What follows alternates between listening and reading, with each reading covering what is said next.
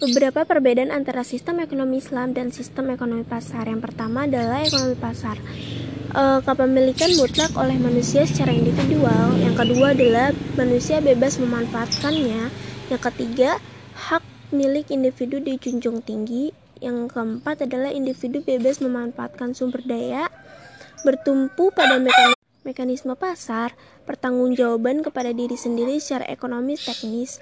Nah, yang ke Uh, yang selanjutnya adalah ekonomi Islam. Yang pertama adalah Allah Subhanahu wa taala adalah pemilik mutlak. Berarti yang secara pemilik mutlaknya itu adalah Allah. Gitu. Nah, pemanfaatannya itu oleh manusia dengan mengikuti ketentuan Allah Subhanahu wa taala. Nah, kalau misalkan ekonomi pasar kan dia uh, bebas nih manusia memanfaatkannya apa aja gitu. Nah, sedangkan ekonomi Islam itu melalui ketentuan Allah Subhanahu wa taala. Yang ketiga adalah tiga, eh, tiga hak milik sekaligus individu, umum, dan negara.